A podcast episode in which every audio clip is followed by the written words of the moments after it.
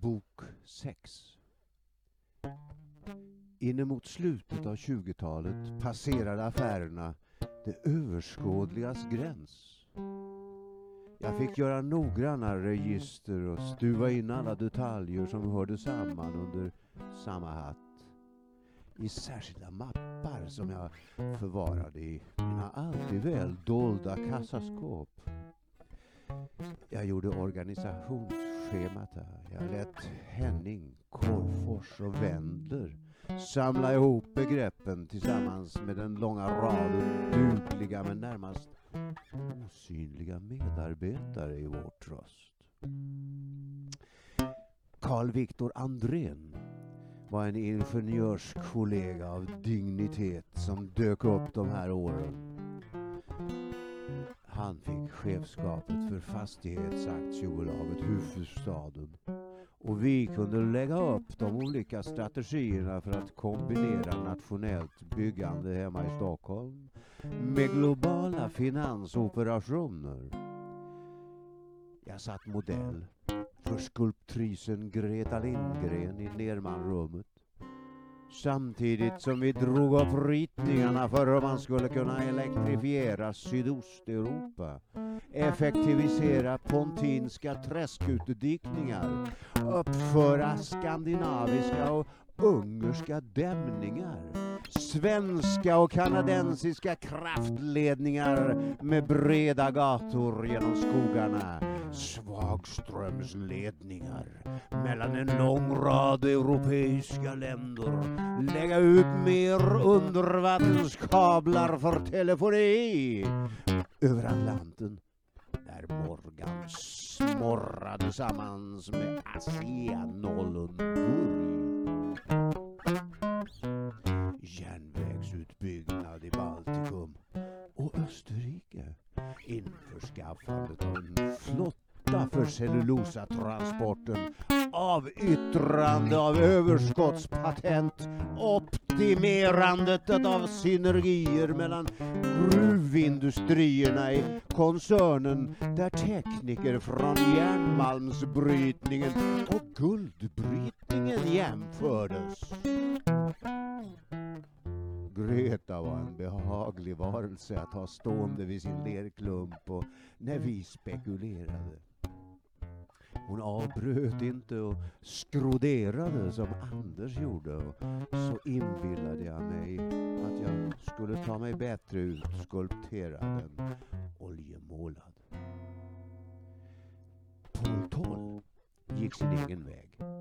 Lika försiktig och lågmäld som hans anfäder hade varit dristiga och välkända. Men vi kunde ändå rita på STABs huvudkontor tillsammans. Han var Evert Taubes mecenat och han spelade själv mycket bra dragspel. Evert tillägnade honom Kalle Schewens vals. Konstintresset var gränslöst och han umgicks med Dardel och Ljungstedt och han var med och, och med iver diskuterade konstens betydelse för en byggnads fullbordan. Fortsatte med att lösa det arkitektoniska problemet att skapa en konferenssal som vidgade vyerna och skapade en atmosfär av intelligens och rationalitet. Men också spänstigt nytänkande. Vi studerade kopparsticken av eh, J.V. Favelén för att förstå hur Stockholms centrum hade sett ut i äldre tider och skissade på hur man idag borde kunna utveckla Kungsträdgården harmoniskt och inte skrytsamt bryta sig fram. Vi bestämde oss för vår egen del att skapa en innergård och låta fasaden ut mot trädgårdarna smälta in bland de övriga fastigheterna. Jag ritade den bågnande konferenshallen Med mycket ljus från fönstren mot innergården vars rundade form halv följde. Ivar Tengbom gjorde stora ögon när han först såg mina ritningar men sen smalnade de och han, Nils Arbom och Carl Milles presenterade en tydlig byggnadsplan som Carl Victor Andrén sen fullföljde med perfekt finish.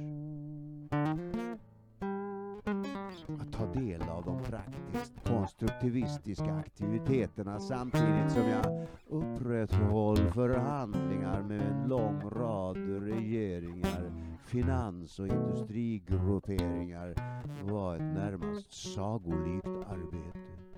Det var ett arbete som i viss mån krävde samma noggrannhet som det Linné en gång genomförde.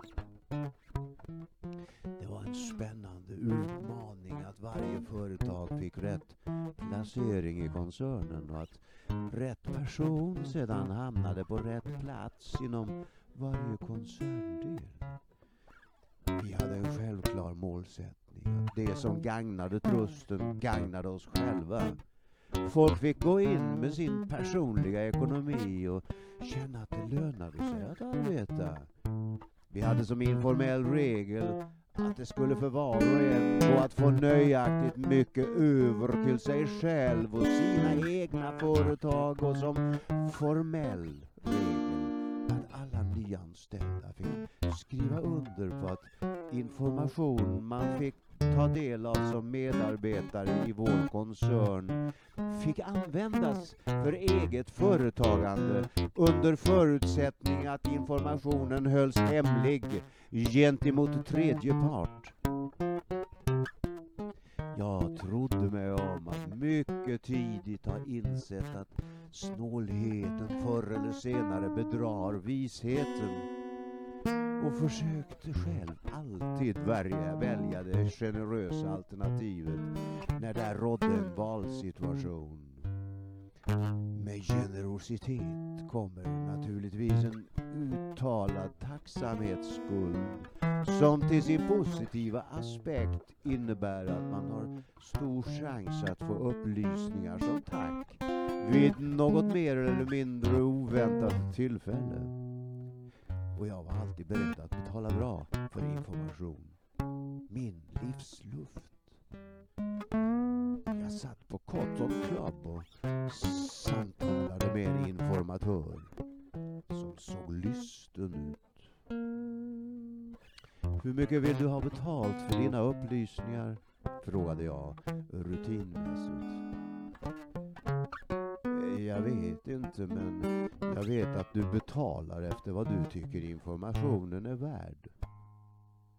Hör här. Och betala sedan. Jag drömde att en tvålfagre Sostenes kom ridande på sin kanonkula och viftade med sina sablar och han hade guldkärran påkopplad. Eh, de har bestämt sig för att ta hem ännu mer guld. Mr Lamont skriver ut några tillstånd in blanco. Eh, hörru, eh, har min herre uppfångat dessa informationer? Hurru? Fråga inte Mr Kryger. Jag kanaler rätt in i både Stortinget och senaten och dess ekonomiska utskott och jag beklagar att de inte lyssnar på er. De vet ju för övrigt hur lyckosamma era metoder är och det är just det eh, de är emot. Er framgång, Mr Kryger, är deras mest obehagliga upplevelse just nu. Ett salt i deras sår. Eh, nu ska vi inte överdriva, Mr Brattberg. Jag överdriver inte. Hör här. Internationella regleringsbanken i Basel har valt in en herre i sin styrelse som inte borde ha bjudits in. Han Han kommer att omkullkasta deras möjligheter att få guldet att börja rinna igen. Den amerikanska och franska guldupplagringen kommer att fortsätta. Ända till dess att kanonerna åter börjar mullra menar du? Just det. Och när guldet har låsts fast kommer katastrofen som de trivs så gott i. I den högkonjunktur som råder blir det ännu en av dessa oväntade chocker. Priserna på intressanta objekt sjunker djupt i räckan konkurser och priserna på deras egna handelsvaror, dynamit och pansar, går upp. Säger du det? Det var djupsinnigt värre. Vad läste du ekonomisk historia? Vad sa du? Ekonomisk historia? Vilken jävla vetenskap! Förstockholmade kristianiter till akademiker som bestämmer sig för ett eller annat. Ja, som lagstiftarna. Jurister som bestämmer sig för ett eller annat.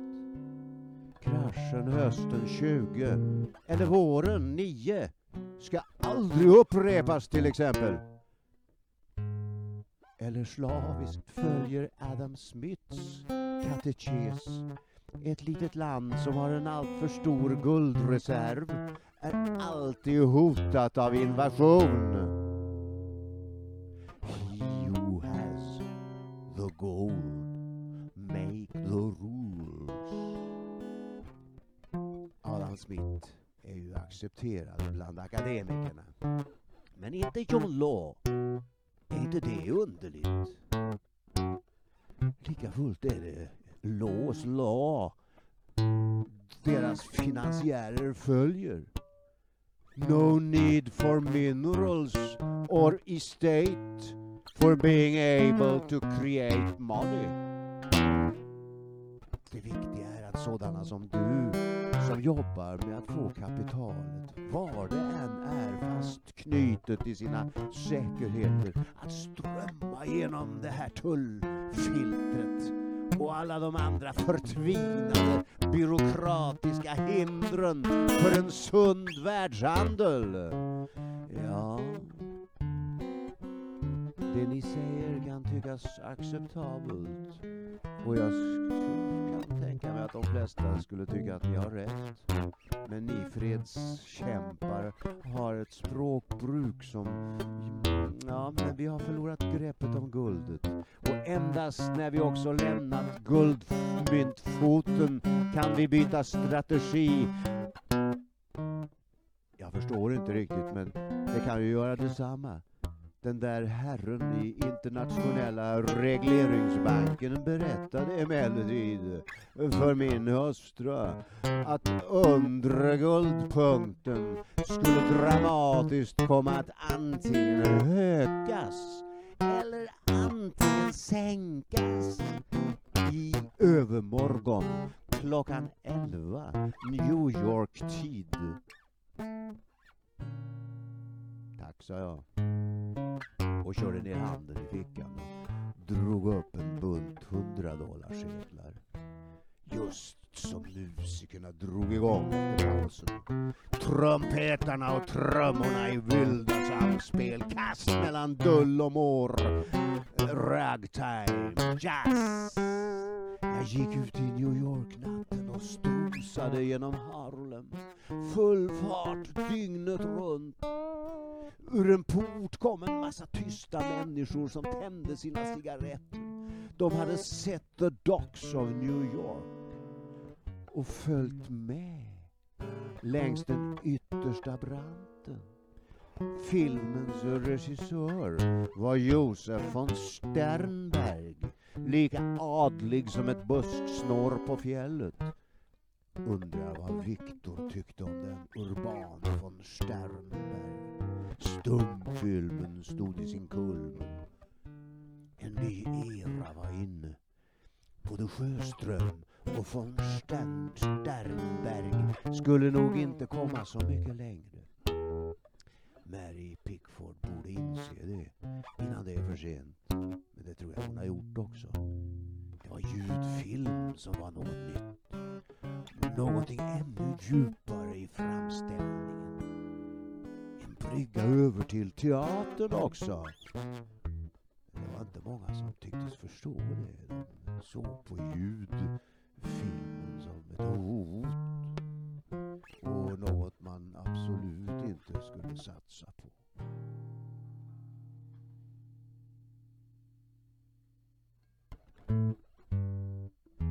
Men där tryckte unga friska krafter på bland ljudexperterna. David Hughes, han hade en kolmikrofon och den utvecklades snabbt och registrerade allt mer naturligt ljudet och högtalarna blev i motsvarande grad bättre. Ingenjörerna gjorde ofta besök i jazzvärlden och studerade mikrofonernas funktionalitet. Jag tog ofta med mig gänget på biograf och på klubbar vid sidan av allfartsvägen, vid sidan av Broadway, där man testade allt möjligt nytt, och både på och utanför scenen. Det var alltid lika viktigt att man lärde känna varandra över barriärerna. Eh, jag gick in här och där och drack en kopp turkiskt kaffe. Här och där blossade jag på en cigarett. De amerikanska damerna ville ha sina tänder. Och jag hade alltid en av de minsta tändsticksaskarna redo. Liksom ett cigarettetui som jag slog upp och bad de smaka den levantiska tobaken. Ibland var tändsticksaskarna egyptiska, ibland italienska och alltid plomberade, stämplade och torra.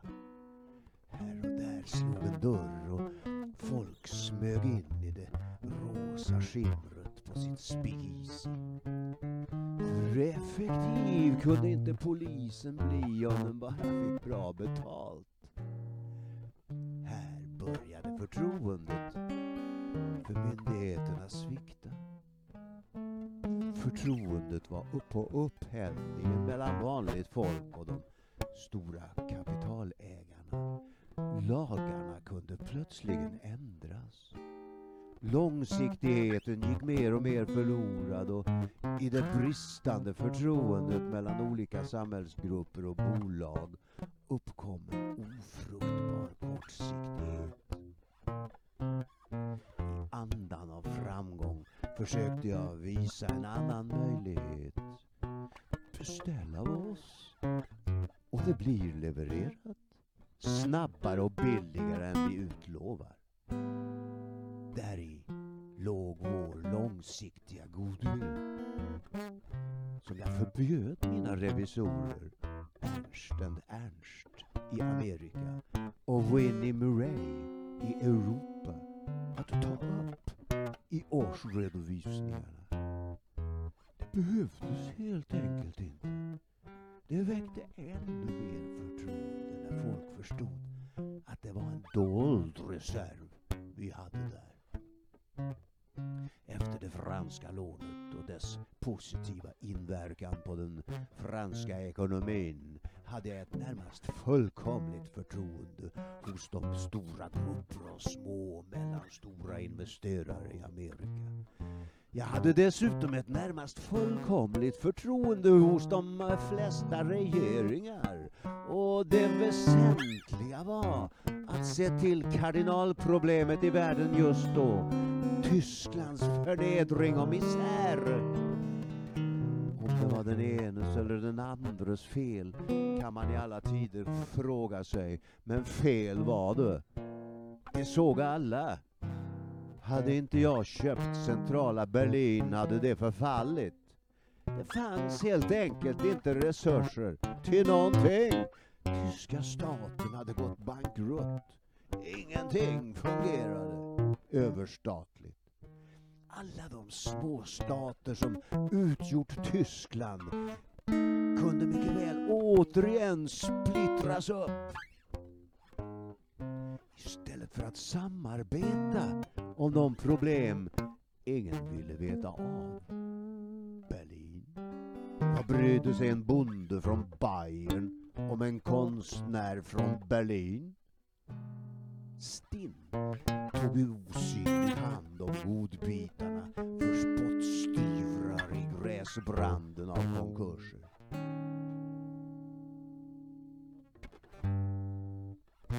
Jag stod och roterade den inre ringen i Tycho Brahes Zodiacal-armilla och jag tyckte mig se in i universums centrum. Den inre ringen representerade ekliptikan och jag ställde in zenitavståndet och azimutvinklarna och de koncentriska ringarna större och större roterade inuti varandra och jag såg mig själv plötsligen i en vanställd reflex i metallen och log. Jag, något lite faustisk. Jag överlät Rembrandts porträtt, porträtt av Dr. Faust och Tycho Brahes Zodiacal Armilla med porträtten av Ptolemaios, Albatini, Copernicus och Tycho själv åt skuggorna och förberedde mig för det celebra besöket jag hade väntande i Nermanrummet.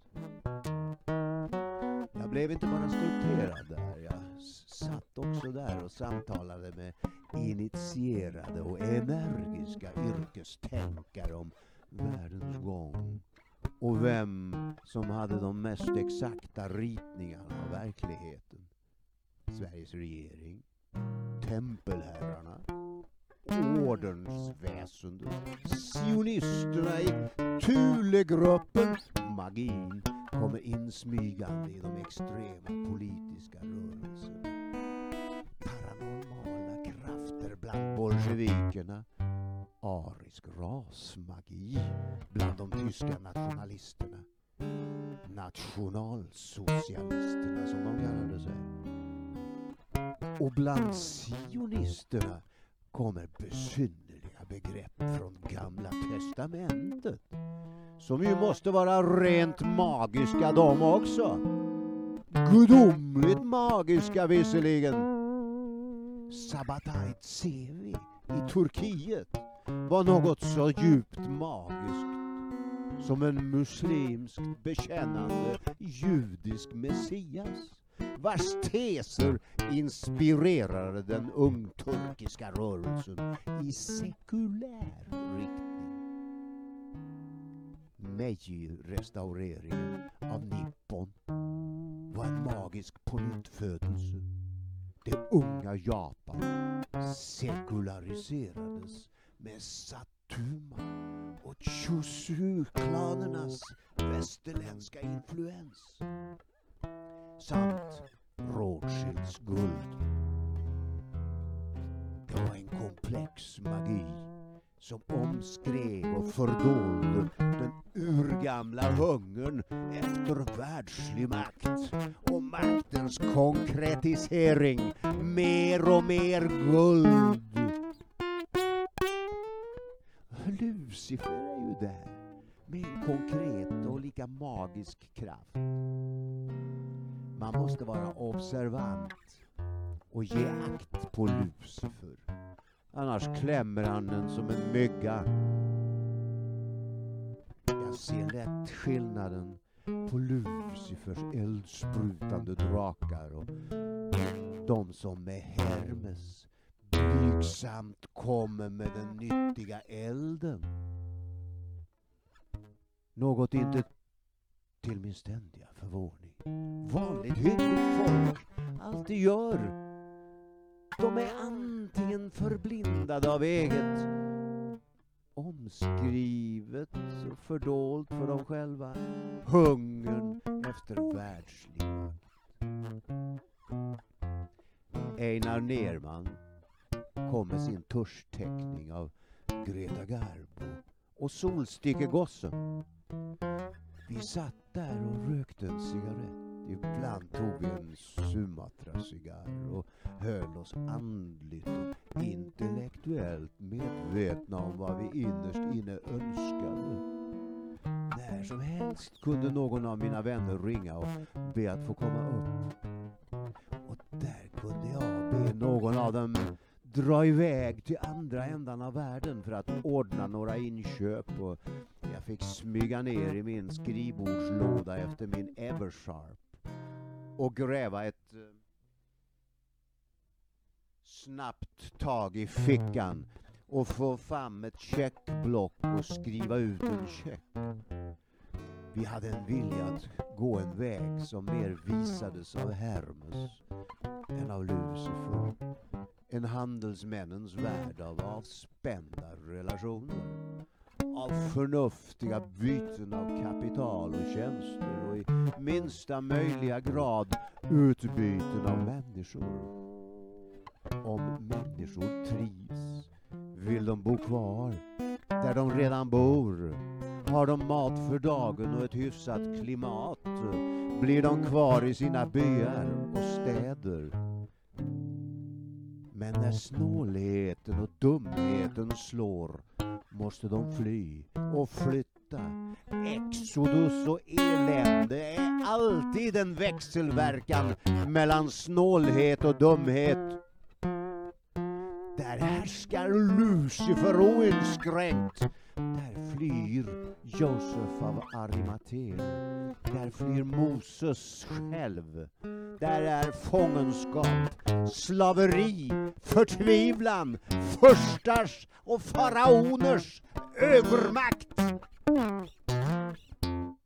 Revolutionen kom, som måste vara blodig. Men sedan skulle det bli fred och proletärolycka och nationalsocialisterna krävde först revansch som måste bli blodig. Fred och tusenårig lycka.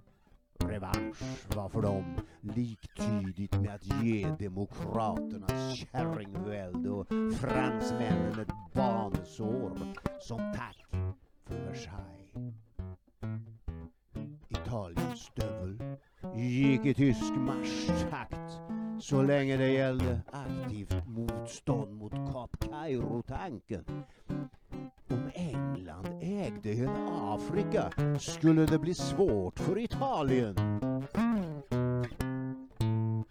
När Hitler höll sina berusande tal gick det ett sus av tysk vrede, ölskummande tysk vrede.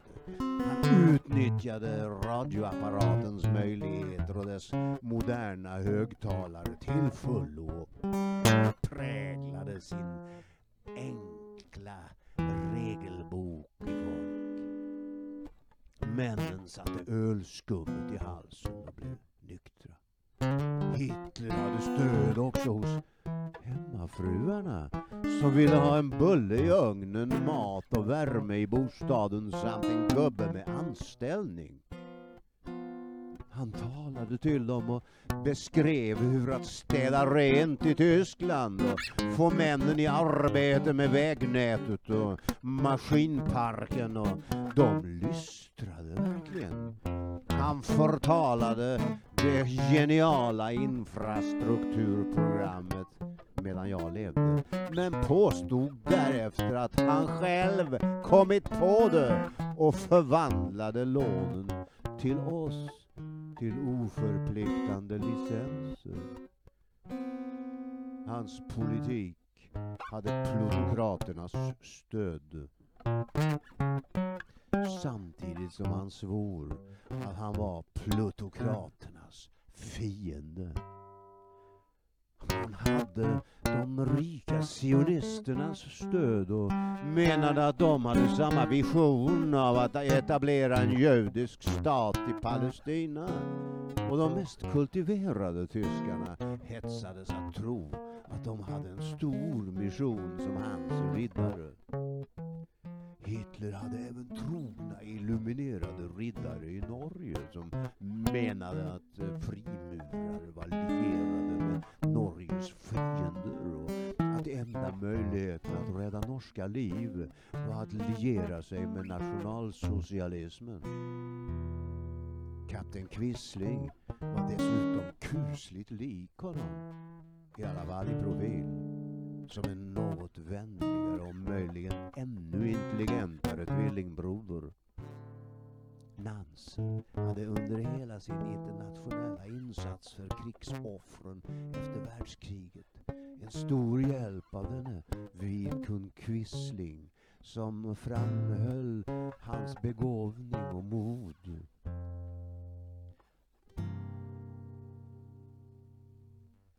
Han sa att det fanns de som liknade honom vid en Leonardo da Vinci.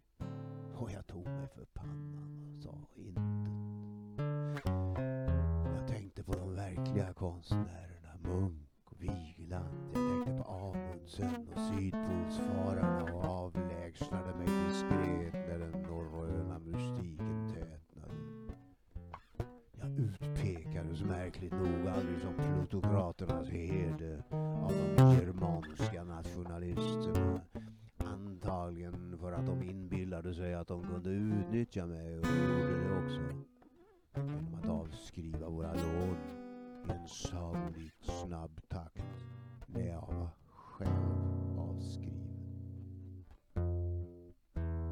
Symbolen på flaggorna anknöt undermedvetet till den gamla historien om att trasa sönder det förstelnade etablissemanget, det plutokratiska tyranniet. Ungdomen över hela världen anropades i rött, svart och vitt för detta syfte. De marscherade på Pariser plats i segeryra den 14 september 1930 och det gick rysningar genom kroppen både på mig och von Siemens som just den dagen var på besök när vi såg ner över massorna från balkongen. Ryste gjorde också von Bentz som var på besök dagen därpå. När dessa krafter nu kommer till makten blir Krupp glad, Einstein och Zweig ledsna. Germanerna var sannoliken splittrade. Och det var den yttersta syntesen av nationalismen och socialismen som påståtts kunna ena tyskar. Det gamla germanska folket. Det var det han sa, den store talaren. Att om inte Tyskland ska gå under måste det enas. Tyskland var ett land, ett folk som behövde en ledare. Han kunde ha lagt till en testikel med den kliniska beteckningen monokristen andre bortsliten. Monokris, jo den andra var bortsliten av granatsplitter under slaget vid Somme 1916 och faktiskt ett öga. Då enögdheten tycks vara eh, denna korprals odinska lyte på samma sätt som de allra flesta krigiska dundergudar är enögda. Carolus Rex omgav sig med inte mindre än tre enögda rådgivare. Var tog enuckerna vägen förresten? De som förlorat bägge sina manliga ädelstenar. Men, ah, men hade åtminstone ett öga i behåll. Det fanns massor av dem i Östrom och Konstantinopel. De kanske omsattes i matronan, babusjkan. De hade sin feminina motsats i de avkönade. Den varelse som varken är man eller kvinna. Det tredje könet. Enuckerna hade viktiga tjänster i de gamla imperierna hade väl en fördel. De behövde inte ödsla tid på blomsterflickor. Men Antagligen var det så den impotenta byråkratin uppstod. Den som välvilligt sedan stod till alla enögda tyranners tjänst. Vilket fasansfullt öde att inte få känna den biologiska drivkraften. Det är ju det som är själva livskänslan. Men min tro är den att den stora hemligheten och lockelsen med civiliseringen är att utlevelsen görs med yttersta diskretion bakom blomsterarrangemang och draperier, bakom skönhet och skydd. Hemliga var mina lustar.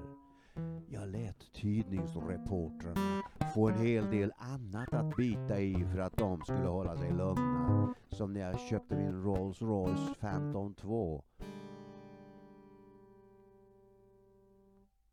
Den med LM Ericssons radiotelefon installerad. En Cadillac V16 och en Ichotta Fraschini samma år, 1930. Och inte bara motortidningarna braskade. Förutom att det var avledande manövrer var det ett sätt att visa att koncernen var framgångsrik trots kraschen. Initierade som började tala om att vi i själva verket var dess vinnare. Ehm, något man ju svårligen kunde förneka. Inte minst när man såg på den långa rad statslån vi var förmögna att bevilja just detta gyllene år 1930. Man såg det på våra debentures som återtog en femtedel av sitt värde fram på sommaren detta år. När Frankrike tillkännagav att de återgäldade statslånet från 1927 med överkurs till Kriegerkoncernen. För mig personligen var det lättare att hålla mig osynlig om man istället tittade på mina bilar, mina båtar och lånetransaktionerna som fick de ekonomiska reportrarna att skriva i Europas ledande nyhetsmagasin att jag hade konfirmerat Tysklands ekonomiska förtroende och samtidigt var Frankrikes vän. Det var med ett birgitinskt fredsleende jag ordnade att man trots detta mer såg på andra än mig själv. Jag lät arrangera med samma syfte att själv inte märkas. Då och då upptag och spänning med hjälp av vår press. I enlighet med den urgamla principen att människor är intresserade av andra människor och förutom att betrakta de framgångsrika männen i nationens ledning är man mer och mer intresserad av att se vackra flickor i veckotidningarna. Vi tog därför till eh, dessa moderna layouter och arrangerade en skönhetstävling i vintermörkret och fann fatt i en gammal västgötsk lussesed. Vi arrangerade så att en lång rad flickor iklädda vita kåpor tågade förbi en panel domare. Den vackraste flickan fick sedan en ljuskrona i håret och kröntes till Lucia.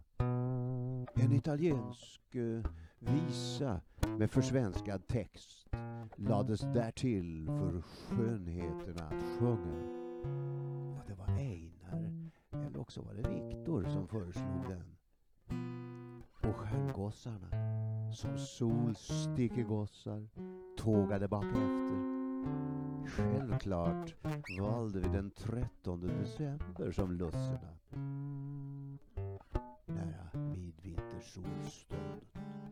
Och fotograferna stod på rad och magnesiumblixtarna ljungade. Lucia-kandidaterna visade sina fina vita tänder och fina vita kåpor och marschallerna flammade. Det blev full fart på lösnummerförsäljningen. Alla ville se fotografier av de vackraste flickorna i Stockholm. Vem tänkte på mig när de sedan hade en bedårande Lucia med ljuskrona i håret att eh, fästa blicken på? Jag såg till att så många redaktörer som någonsin möjligt var införstådda med dessa diskussionsprinciper. Lucia istället för både Lucifer och mig själv. Tända ljuskronor istället för stubiner. Fler områden som kom in i vår sfär av inflytande, ju säkrare blev det att motståndet ökade och ju tydligare utkristalliserade sig detta motstånd. La Gazette de Paris var en typisk motståndscentral. Där var det inte plats för några helgons analyser. Lucia var inte med där. Hon var heller inte med i Fors. eller eh, Le Cri du Jour där Madame Haltnou, Haltnou skrev sina skrikiga rykten och viskningar, tips och gemena lögner. Mm. Knattrade kampanjer för att försöka hindra samexistens och fredliga försök att återbygga vår trasiga kontinent. Där förtalades och skymfades. Där var en mefistofelisk röst och där skallade Lucifers gamla skäll. Världen hade ju en hel del ärelystnad och gammal kraft kvar bland pansarmogulerna och deras ideologiskt allierade bland revanschisterna för att det skulle bli hårdare och hårdare redan hösten 1929. Dreyfus alla mot eld mot mina aktioner och Madame ha allt nu skrevs och skrivmaskinerna glödde. Nere på 41 Broad Street var det också hektiskt. Aminov, Jordan och Scheele var helt på det klara med hur strategin skulle läggas upp när attacken kom. Vi gick igenom laguppställningarna. Babe Ruth var fortfarande outstanding och gjorde en lysande säsong. Det var bara att göra som han. Slå tillbaks. Visst, jag gav dem fria händer att hinna före och stabilisera och våra försvarsmanövrer. Det var hårda och snabba tag. The Batman från Texas, Jackson Martindell var lagledare i motståndslaget. Rayerson, Armour, Swift, Field, Crossley, Jurgens och Harr var eh, mer eller mindre frivilligt med där. Tillsammans med en hel del andra figurer.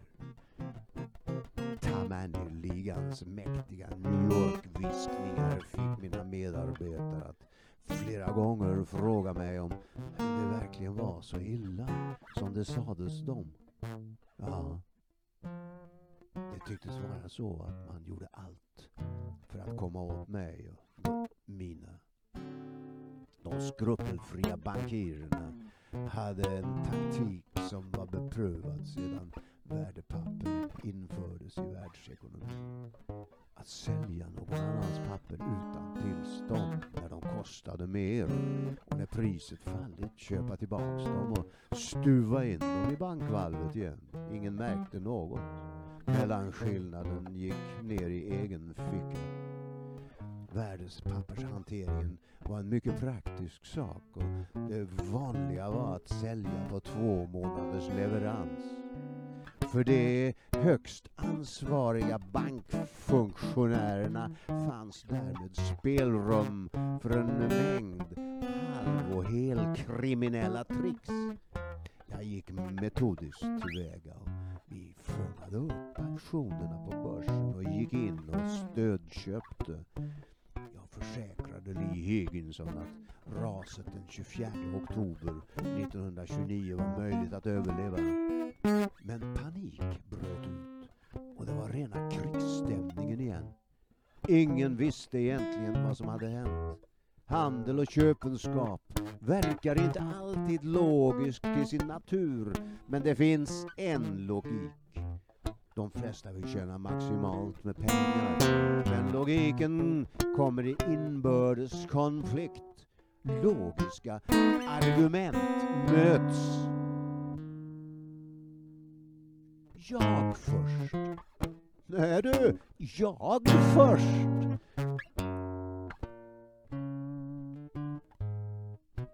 Den som inte är med och strider i själva lejonkulan får inte se någonting förrän krutröken lagt sig.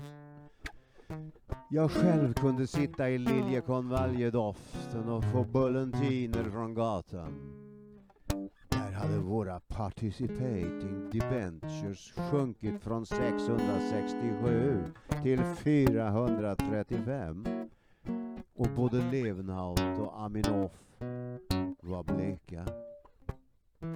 Det var som om en vinterstorm som plötsligt blåste in i världen. Man gillade uppenbarligen inte vårt Tysklandslån som vi offentliggjorde dagen före kraschen. I Amsterdams glädjekvarter var man sur på mig för att jag skulle ta guld därifrån och slussa till Berlin. Man tog istället med glädje själva hand om diamanthandeln som tagit fart efter alla nya fynd av vissa tragiska och gamla aristokratiska traditioner investerar rika och oroliga baronessor och grevinnor i diamanter istället för industriella nyvinningar. Deras förnuftiga kalkyler visar att den säkraste investering, förutom konst, är diamanter och att dessa är lätta att ta med sig om man hals över huvud behöver fly. Flytta, fly eller flytta. Det är som svält och fasta. Frivilligheten, det är gott. Tvånget, det är ont. I New York var det anlopp från de unga hungriga tekniska spekulanterna som inte var ute efter annat än så stora och snabba skördar som möjligt. Och våra papper var mest intressanta att jobba med eftersom de var spridda över hela världen. När de industriella investeringarna uteblev i så hög grad att en världsbäs blev följden började även vinsterna för Ernst Oppenheimer som just vid denna tid blev de Beers huvudhuvud att sjunka. Alla blev den förstenade snålhetens offer. Charlie Chaplin sålde allt han ägde dagen före kraschen och dagen efter firade han en Hieros Gamos hos glädjeflickorna. Pickford grät emellertid en skvätt tillsammans med Irving Berlin som avböjt Chaplins råd att sälja han också. Varför skulle jag göra det? sa han. Det finns absolut ingenting som talar för att sälja. Men det är i ologisk överraskning attackerna kommer. Irving Berlin förlorade största delen av sina besparingar denna svarta vecka. B-aktierna sjönk från 600 till 425. Men si, det var fortfarande möjligt för oss att få loss kapital i många olika delar av världen.